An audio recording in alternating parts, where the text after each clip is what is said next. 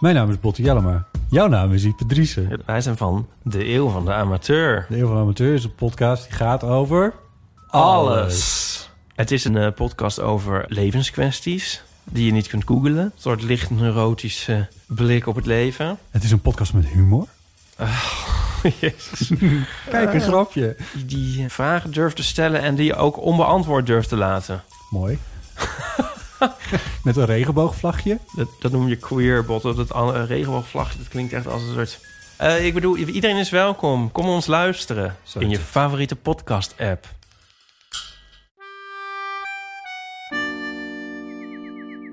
Welkom bij aflevering 65 van Man met de microfoon. En je hoort voor de laatste keer op de achtergrond de Canarie, want dit is de allerlaatste aflevering naar aanleiding van de Canarieboekjes.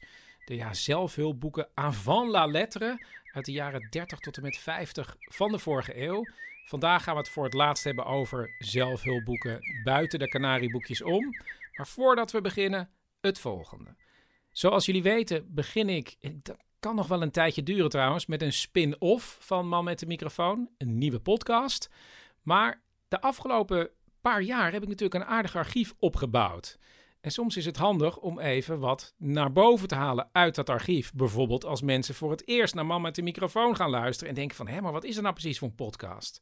Mijn idee is nu om vijf afleveringen te maken met jullie favorieten. Maar dan moet ik natuurlijk wel weten wat jullie favorieten zijn. Kortom, ga even door dat archief en denk je, ah, die aflevering, die vond ik het mooist omdat, of die is het meest bijgebleven, daar en daarom. Laat het even weten. Dat kan door te bellen naar 084 8371 282. En dan hoef je nu niet drie woorden achter te laten, maar kan je gewoon een heel klein verhaaltje vertellen. Of je mailt het even naar man de microfoon gmail.com. En dan kom ik over twee weken voor het eerst met ja, een keuze van jullie uit het archief. Alles staat ook gewoon nog in de show notes, hè? Telefoonnummer en mailadres. Goed, en dan is het nu tijd voor ja, de laatste aflevering gewijd aan zelfhulpboeken. Paulien, je zit klaar met een, eh, een zelfhulpboek. Eigenlijk met twee, maar die ene ben ik kwijt. Maar ik weet ook... Zal ik eerst over die ene die ik Ja. kwijt ben vertellen? Dat is het boek Do It Now. Ehm, dat is een heel klein boekje geschreven door iemand. Ik weet niet meer wie. En eigenlijk, eh, zodra je de titel hebt gelezen, weet je al wat het is. Namelijk als je denkt, ik zou dat eigenlijk eens moeten doen, dan moet je meteen denken, do it now. Dus heel vaak, bijvoorbeeld als ik een vergadering heb en dan is een actiepunt voor mij van dat ik iemand moet mailen, dan zeg ik, uh-huh, uh-huh, en dan, dan doe ik het meteen. En dan hebben andere mensen niet eens door dat, en dan heb ik na de vergadering niks meer te doen. Maar dat weet dan niemand. Ja. Wat ik me trouwens afvraag, want ik heb een beetje met mensen gesproken nu over zelfhulpboeken. Is het niet zo dat eigenlijk vrijwel elk zelfhulpboek ook een ansichtkaart zou kunnen zijn? Want heel vaak zeggen mensen, oh, ja, zeker. het enige wat ik er in ieder geval van op heb gestoken en waar het hele boek eigenlijk over gaat, Ja. dan krijg ik één zin. Nee, want wij hebben ook het boek Als ik nee zeg, voel ik me schuldig. Nou, dat gaat dus ook helemaal over dat dat weird is. Toch? Dat als je nee zegt, dat je je schuldig voelt. Dat is een heel dik boek trouwens. Ja, ik heb dat ook niet gelezen, maar de titel denk ik dat echt wel vooral alles zegt. Mm, ik denk dat ik nog nooit een zelfhulpboek echt heb uitgelezen. Het zijn altijd boeken met heel goede titels. En nu ik het daar toch over heb, kom ik dan bij het andere zelfhulpboek dat ik dus wel nog heb. Heb Dat- je ook niet gelezen, maar ik weet wel dat je het op een gegeven moment gekocht hebt. Ja, want puur op de titel.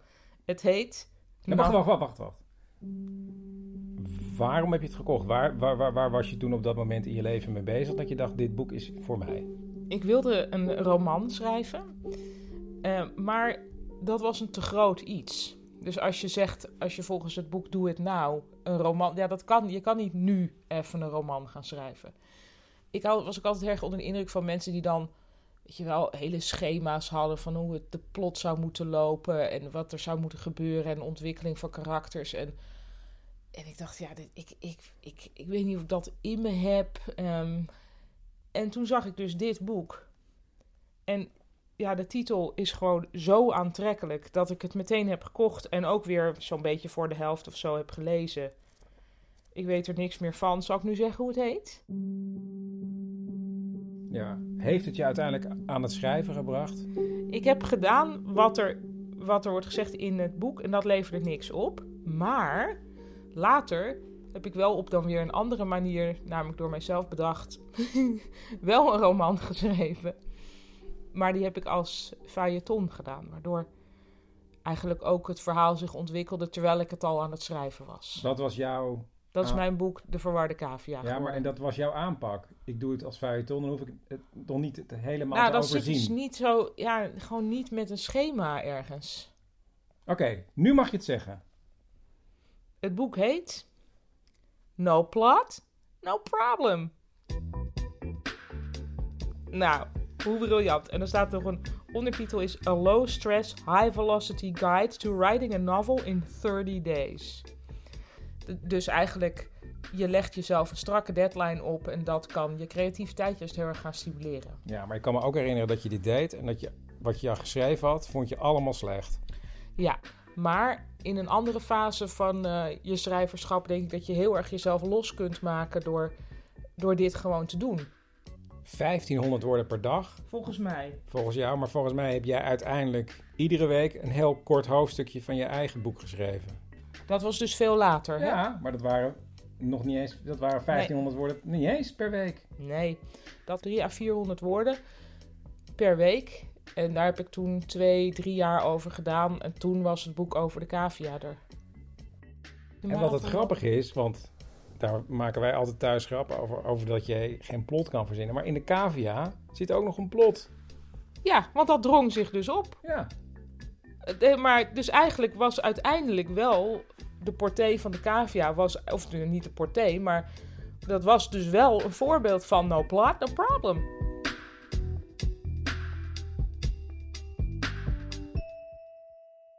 Zoals jullie misschien wel weten, hou ik van hele strakke afspraken. Dus als ik met iemand heb afgesproken, ik bel om 9 uur, dan bel ik echt, dan kijk ik op mijn telefoon, exact om 9 uur. Een soort sport.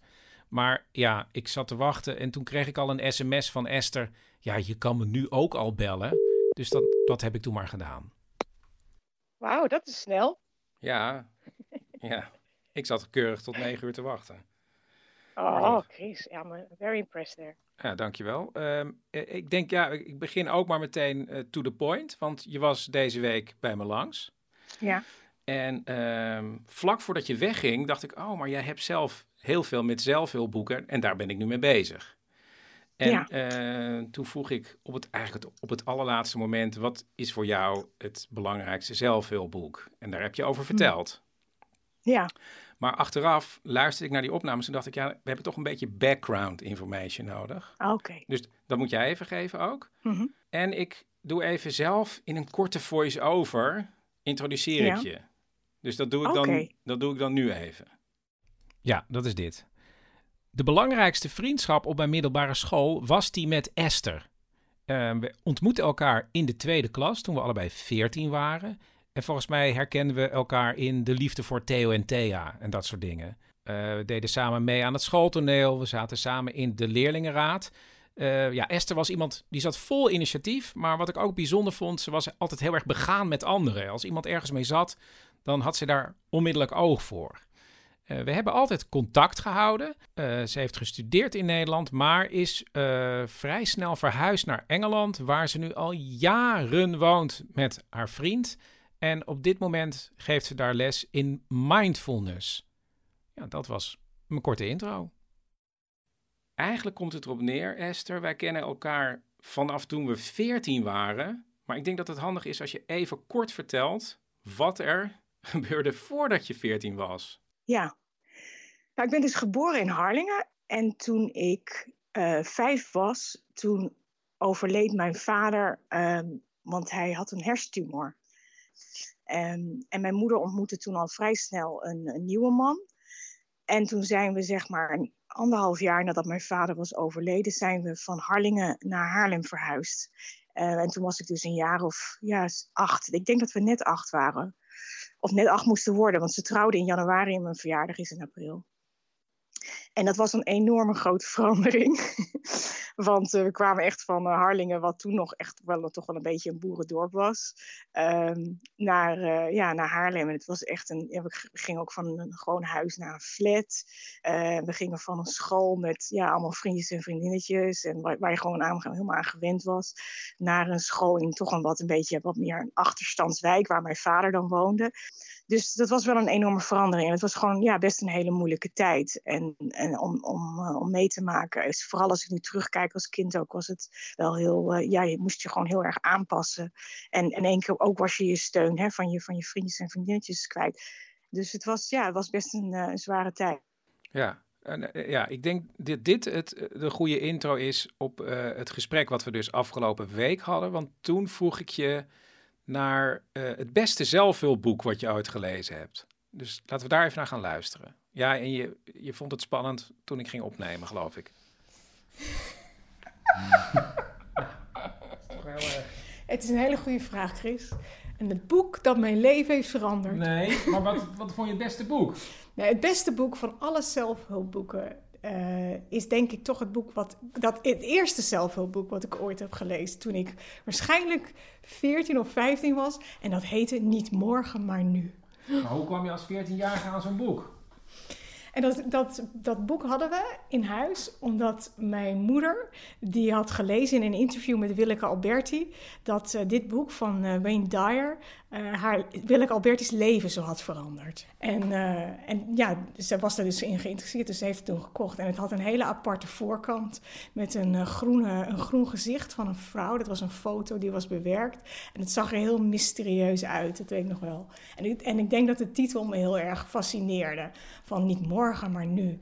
En uh, ja, dus het, dat heeft toen, had toen een grote indruk op me gemaakt. Maar en waarom was het een goed boek? Het was een goed boek omdat de boodschap uh, zo goed was. Namelijk? Namelijk, niet morgen, maar nu. Nee, het ging er vooral over dat je, ja, dat je, dat je, dat je emoties uh, zelf kon beïnvloeden. En dat je je dus niet hoefde te laten leiden door je emoties. En ik denk dat ik het toen heb gelezen op een moment dat ik zelf ja, me, me meer, meer, bewust werd zeg maar, van mijn emoties. En het heeft me toen ja, laten zien dat je, ja, dat je niet afhankelijk hoeft te maken van wat andere mensen van je denken. Um, en dat je, ja, hoe je zelfs met je eigen ja, ideeën in je hoofd en met je gedachten omgaat.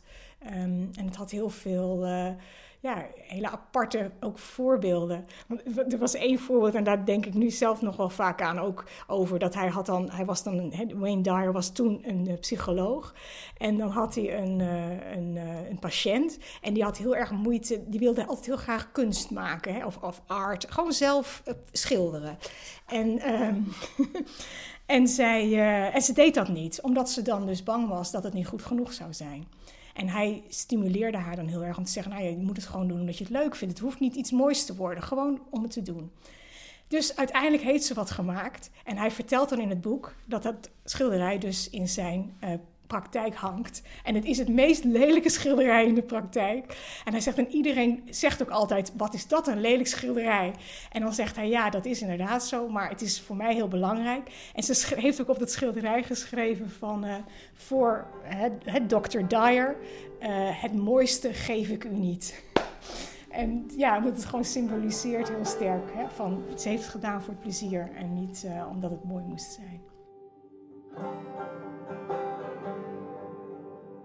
Je was als puber gewoon onzeker eigenlijk. Ja, inderdaad. Van wat andere mensen ja, van je vonden. Ja, inderdaad. Ja, ja. ja en, dan, en dan dacht ik, oh, ik moet met die vrienden meedoen. Of uh, ja, ik moet erbij Maar eigenlijk horen. nam je een soort volwassene raad aan als puber. Ja. En dat, ik vind dat nu als ik terugkijk, dat denk ik ook, jeetje, wat een, uh, wat een zwaar boek eigenlijk om dat dan, dan al te lezen. Maar ik weet wel dat er heel veel dingen in stonden waarvan ik dacht van, oh ja, daar. En vooral over dat je niet te veel moest aantrekken wat andere mensen van je dachten. Dat je gewoon eigenlijk je eigen pad moest, uh, moest gaan. Dat, dat, dat staat me er heel erg van bij, dat dat, dat, dat heel erg de boodschap uh, was. En dat niet iedereen je leuk hoeft te vinden. En, ja, en dat, ik weet wel dat het toen, me toen heel veel steun gaf. Ja. ja. Hm. Jezus, ik denk echt aan zo'n pubermeisje. ja. ja, ja, ja. Nee, maar het was best wel, want er was toen een periode dat ik best wel alleen was. En dat er best wel een, um, ja, dat ik me alleen voelde. En, en dat er veel, um, ja, ik had altijd wel heel veel. Ik, ik, ik, dacht altijd heel veel. Ik was altijd heel druk in mijn hoofd, zeg maar, aan het analyseren. En maar je was heel erg bezig, hoe ben ik in de klas? Ja, ja. En, hoe, en hoe zien mensen mij? En hoe, ja, inderdaad. Eigenlijk, Terwijl je een heel aanwezig, vrolijk iemand was, ja. in mijn herinnering. Ja, maar dat is ook zo. In het opzicht van dat mensen dat ook heel vaak zeggen tegen mij. Van, goh, maar je bent altijd zo vrolijk. En je bent al zo opgewekt en positief. Ja. Maar dat komt dus door die boeken. nee. maar daartussendoor was je dus... Ja, ja. Maar, maar, maar, maar... Ik durfde op dat moment eigenlijk niet helemaal door te vragen, maar het ging dus over je was vrolijk. Hm. En tussendoor was je ja. Maar wat was dat ja dan eigenlijk? Was, dat, was je echt somber? Ja, ja ik was vrij somber. En ik, want ik was best wel veel ook met de dood bezig. Ik was soms vaak heel, heel bang om dood te gaan. Of dat mijn moeder dood zou gaan. Of dat, ja, ik, ik had inderdaad best wel veel, ik, best wel veel sombere gedachten inderdaad. En ik vond het gewoon altijd wel, uh, ja, ik denk, ik, ik denk dat, dat, die, dat die dood van mijn vader maar toch wel heel erg uh, de realiteit van het leven liet zien van het is eindig, het houdt op en het kan ook in één keer allemaal, allemaal over zijn. En, en, en niet zozeer dan in een positief, hè, dat je denkt van oh ik moet er alles van maken, maar meer het idee inderdaad van jeetje, het kan allemaal zomaar over zijn en ja, wat, wat, wat, heeft het, wat betekent het leven dan eigenlijk als het allemaal zo snel over kan zijn? En dus ik denk dat, ja, dat ik, en ik denk ook dat ik op die, in die periode in mijn leven, door, door de verhuizing en alles, dat ik niet veel, zeg maar, joy, niet veel leuke dingen in mijn leven, leven had ook. Om, uh, dus, dus dat het daardoor ook. Maar ik, ik, ben, ik was zeker wel van binnen somber, maar van buiten kon ik dat wel heel goed verbergen al. Ja. Want jij was altijd heel stimulerend ja. ten opzichte van andere, van je mede-klasgenoten. Ja. Maar dat Zou dat daar ook uit kunnen komen? Ja, ik denk het wel. Want ik, ik was wel al heel... Toen ook al. Ik had altijd heel veel psychologische boeken die ik al las. En uh, ik was altijd wel heel erg daarmee bezig inderdaad. Van uh, ja, hoe je anderen en dan kon helpen. En ook, ja, ook in je hoofd zeg maar met... Um, ja, ja met zelfverbetering, zeg maar. Maar jij was voor mij echt iemand van... nee, maar dat moet je gewoon doen. Ja. Niet morgen, maar nu. maar dat is toch heel raar? Ja, ja. Dat komt misschien daarvan. Ja, ja, misschien wel. Nou, ik denk het wel. Want ik, ben, ik, ik, ik was al wel op hele jonge leeftijd met die dingen bezig. Ja. Maar, maar, maar, maar ik, ben, ik zeg, hé, wat zeggen ze? En ik ben een, uh, ik ben een uh, optimistic pessimist. Ik ben eigenlijk gewoon heel pessimistisch. En ik zie het best wel altijd ja, uh, negatief en zwartgallig in. En ik vind het gewoon ook, hè, daarom, ik vond het boeddhisme daarom ook altijd heel interessant. Want de, hè, de eerste lijn van het boeddhisme is: hè, life is hard. Um, en dat, dacht je, daar kan Ja, inderdaad. dat was het eerste wat ik dacht. Maar, maar, daarom, maar dat is dan ook weer het mooie van het boeddhisme. Dat het juist dan je leidraad geeft om dan dus het beste uit het leven te halen. Um, en dat ondanks dat het hard is dat je, en moeilijk en zwaar, dat je er dan toch uh, iets goeds van kan maken. Ik heb je ook nog naar het station gebracht, naar die opnames. Ja. Uh, en toen mm -hmm. hadden we het ook nog even over dat life is hard toen dacht ik, is het ook eigenlijk als kind dat je... Ja, ik weet helemaal niet of dat zo is. Maar daar heb ik eigenlijk best wel altijd aan gedacht als ik aan de dood dacht of zo. Of als ik dacht van, oh, je zou maar kind zijn en je vader verliezen. Is het ook bij jou zo dat je eerst dacht, hij is in de hemel. En dat je er later achter kwam, misschien is er helemaal geen hemel of zoiets. Ja, want inderdaad, Chris, dat, ik weet nog heel goed dat, mijn, uh, dat we dus hoorden dat mijn vader was overleden. En dat al inderdaad het eerste wat, of het eerste wat heel veel mensen dan zeiden van, want hij had natuurlijk kanker, dus hij was ziek. En dat, ze heel, dat heel veel mensen zeiden van hij is nou in de hemel hè, bij God, dus hij hoeft nu niet meer te lijden. Om daar inderdaad troost uit te halen. En, en als kind ja, had, had, je, had ik daar ook troost aan, zeg maar. Dat ik echt naar de, hè, naar de wolken kon kijken en ik dacht van, oh nou, hè, papa zit daar en hij, uh, hij kijkt op ons en hij, hij leeft met me mee. En ik denk, ja, net wat je zegt, als je dan ouder wordt, en ja, ik ben zelf hè, een logisch, rationeel mens, dat je dan heel langzaam, ja, komt toch die, die gewaarwording dat je denkt van, ja, is er eigenlijk wel een God? En, en hè, is hij ook nog wel ergens? Um, en, en ik had eigenlijk al vrij snel dat ik dacht, nou ja, als er dan een God is, waarom is hij dan overleden? Waarom heeft hij hem dan niet beter gemaakt? He, waarom, waarom zo'n jonge, he, jonge vader, he, mijn vader, waarom, waarom ja, waarom is hij dan niet nog? Als het dan zo'n zo'n zo'n goede God is en hij is zo lief en alles. Dus dat, ik denk dat dat al veel twijfel bracht. Ehm, en toen later, ja, als je dan echt gaat nadenken, ik, ben, ik geloof nu nog wel dat er in het algemeen een bepaalde spirit is. Maar ik geloof niet meer in een leven na de dood. Ik denk zelf nu dat het inderdaad, dat als je dood bent, is het over. Maar ik weet inderdaad nog wel dat, ondanks die hè, rationele gedachte, dat toen ik dan zelf voor de eerste keer vloog, wat vrij laat was, toen ik 18 was. En, uh, dus de alle, en ik vloog toen ook alleen en ik zat in het raam. En dat, we, dat je dan zo voor de eerste keer zo boven de wolken uitkomt, wat gewoon prachtig is. Want dan zie je al die wolken zo beneden je en dan die blauwe lucht. En dat ik echt naar beneden keek, naar die wolken. En, en dat echt een van mijn eerste gedachten was: oh, hij, uh, hij, hij is hier ook niet. Hij zit niet op een wolk. dus uh, ja, dat is wel grappig. Dat, ondanks dat je rationeel dat dan bedenkt, was dat wel, uh, ja. En dat het ook wel toch wel verdrietig voelde. Dat het toch wel, ook wel een beetje voelde van: oh ja, nee, het is, het, hij, hij zit hier echt niet.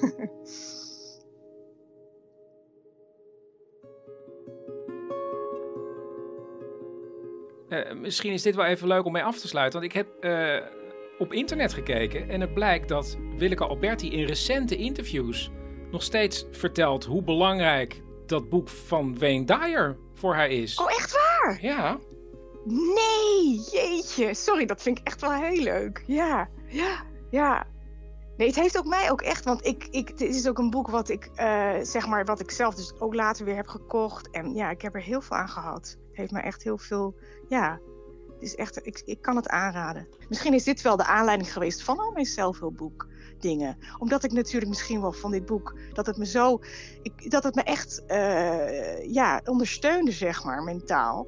En dat het, dat het me daarom, dat ik daarom nu dus ook weer, nu ook weer die steun uit die boeken krijg waarschijnlijk.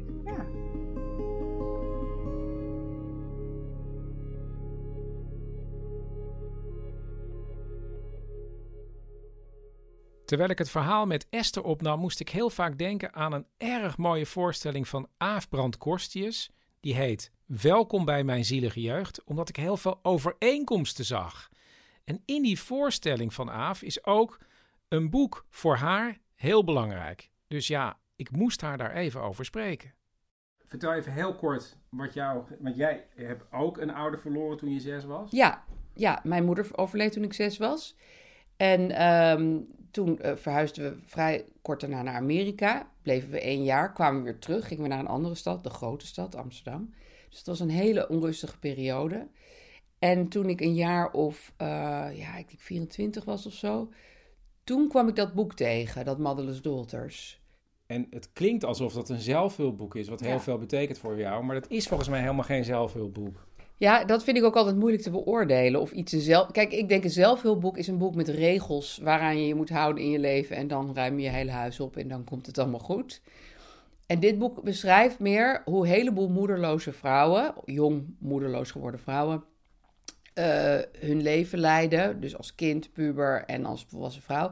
Maar daaruit haal je natuurlijk wel weer een soort bevestiging, erkenning en ook wel een soort hoop. En dat is denk ik iets wat zelfhulpboeken altijd bieden. Ja. En hoe kwam je dat tegen dan? Nou, een vriendin van mij die hetzelfde heeft meegemaakt, die vertelde mij dat er groepen waren van vrouwen die bij elkaar kwamen om erover te praten, die dit allemaal hadden meegemaakt. Dus die hadden een soort samen therapieën. En toen ging ik dat googlen en toen zag ik, hé, maar er is ook een boek van eh, over deze, dit soort vrouwen. En dat heb ik toen gewoon meteen besteld. Dat was een Amerikaans boek. En ehm, ja, en toen dat boek gelezen. En, en, en het, ja, het rare is gewoon dat je dan ongeveer alles herkent wat die mensen beschrijven. Van eigenschappen, angsten. Ja, dat is talenten ook. Dat, dat was heel vreemd. Dacht je daar, had, je daarvan, had je daarvoor eigenlijk al ge- gedacht van... misschien is het handig om ergens hulp te krijgen? ja, ja, dat is het rare. Dat, dat ik als kind en puber eigenlijk niet bewust was van het feit dat hulp bestond. Of nou ja, psychologische hulp dan. Hè. Ik wist wel wat een huisarts was. En dat werd mij ook niet aangeboden of, of gezegd van zou je dat niet eens proberen. Mijn vader heeft ook nooit zelf hulp gezocht.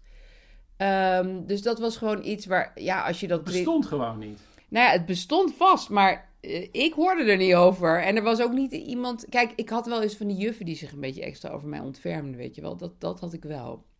Want dat was wel duidelijk dat die juffen af en toe dachten van... hé, hey, die heeft een beetje extra duwtje nodig. Maar ehm, als je dan ouder wordt, dan, dan ontdek je zelf gewoon van... oh, ik ken iemand en die is in therapie en goh, en dat, dat helpt misschien wel. En laat ik dat... Maar eigenlijk voordat ik dat ging doen, eh, die stap echt zelf nam, eh, had ik dat boek. En wat herkende je dan in die verhalen? Ehm, ja, nou ja, van die hele rare dingen als... ehm, wat ik één mooi ding vind, is heimwee. Eh, altijd heimwee naar... Je weet niet wat. Dus ik weet nog dat ik op een gegeven moment zelf naar New York verhuisde. Toen was ik al eh, eh, aan het studeren. En toen voelde ik heimwee of zo'n naar gevoel. En toen wou ik daar mijn oude oppas over bellen, want dat was een beetje mijn vertrouwensfiguur. En toen dacht ik, ja, maar dit heb je eigenlijk altijd. Dit heb jij ook altijd thuis. Dus het is helemaal niet, nou, ja, het is een beetje zoals dat liedje van You always take the weather with you, everywhere you go. Dat, daar moest ik toen ook erg aan denken. Ik denk, ik heb godverdomme altijd dit weer bij me, deze donderwolk. En, en dit, dit soort rare, ja, ja, een soort buikpijn. Ehm, en ook bijvoorbeeld het heel erg gaan hangen aan je nog overlevende ouder. Dat, dat is natuurlijk ook heel erg logisch. Dat is gewoon evolutie. Ik bedoel, dat is gewoon help. Ik heb nog één ouder. Had je toen je dat las en toen je dingen herkende dat er een soort last van je schouders viel dan ook echt? Nou, eigenlijk werd ik er nog wat verdrietiger van. Nee, nou, dat is niet helemaal waar, maar... Oh, maar Ik- waarom werd je er verdrietiger van? nou, omdat je denkt, oh shit, ja, het is echt heel erg. het is gewoon echt heel erg slecht voor een mens om, om dit zo jong mee te maken. En het is ook niet iets wat helemaal ooit echt overgaat. Het wordt echt wel beter. En je wordt ouder en je leert er beter mee omgaan. En zij schetst ook de voordelen tussen heel veel, heel veel aanhalingstekens die ik hier nu in de lucht maak. Die zijn er ook. Ja, nou ja, dat is dan dat je volg eh, onafhankelijk wordt. Misschien te, maar eh, dat je heel erg je eigen boontjes leert doppen. Dat je eh, misschien meer dingen durft. En misschien ook meer bewust bent van het feit: het leven is maar kort.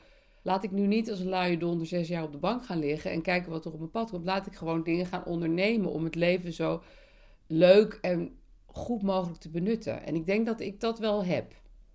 Misschien had ik dat sowieso wel gehad, hè? maar dat heb ik wel. Het grappige is dat Esther na dat boek van die Dyer eigenlijk gewoon dacht van... hé, hey, maar een boek kan helpen. Ja, Dus die is gewoon heel veel... die leest heel veel zelfhulpboeken. Heb Ja. jij, maar heb jij dat ook? Nou, ik heb wel ehm, bijvoorbeeld ook over liefdesproblemen van die zelfhulpboeken gelezen. Die eigenlijk hielp het mij altijd vooral om te weten: hé, hey, hier bestaat dus een zelfhulpboek over. Dus er zijn veel andere mensen met dit probleem. Dus ik ben niet alleen. Dat hielp mij al heel erg. Maar ik vind het absoluut. Ik vind het ook een beetje een ondergewaardeerde boekengroep. Nou ja, het klinkt altijd zo een beetje triest. Het staat ook in zo'n apart hoekje. En het is in Amerika volgens mij veel normaler dan hier. Hier is het een beetje, zelfhulpboeken. Maar waarom zou je jezelf niet helpen? In godsnaam. Als iemand het moet doen, dan ben je het zelf wel. En, ehm, en weet je, vaak zijn die boeken ook in één zin samen te vatten. Dan hoef je ze ook niet meer te kopen. Dus dan ga je gewoon naar Amazon. Dan kijk je even naar de samenvatting. Dan denk je, ja, verdomd. Ja, ik zei al Zo tegen Paulien, het kan op één aanzichtkaart, elk boek. Heel vaak. Nou ja, ik had bijvoorbeeld ook ooit dat boek gekocht. He's Just Not That Into You. Dat is een hele bekende. Nou, dat is het. He's Just Not That Into You. Je hoeft het niet meer te lezen hoor. Het is gewoon die titel. Maar je zou eigenlijk, eigenlijk je zou een lans willen breken voor het zelfhulpboek. Ja, zeker. En ook, kijk nu, ik, ik schaamde me vroeger altijd een beetje om ze te kopen. Maar dat heb je nu natuurlijk niet meer. Je bestelt ze gewoon. Dus dan eh, zit je ook nergens mee. Of je leest ze lekker als e-book.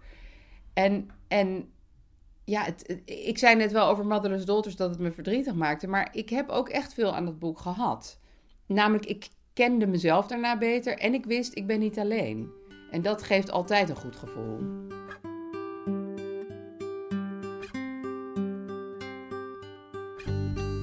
Dit was aflevering 65 van Man met de Microfoon. Man met de Microfoon wordt mede mogelijk gemaakt door Theater de Kleine Comedie in Amsterdam.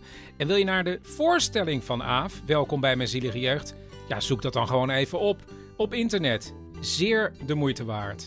En heb je een favoriet verhaal van Man met de Microfoon? Laat het weten op 084 8371 282 of mail naar manmetdemicrofoon at gmail.com.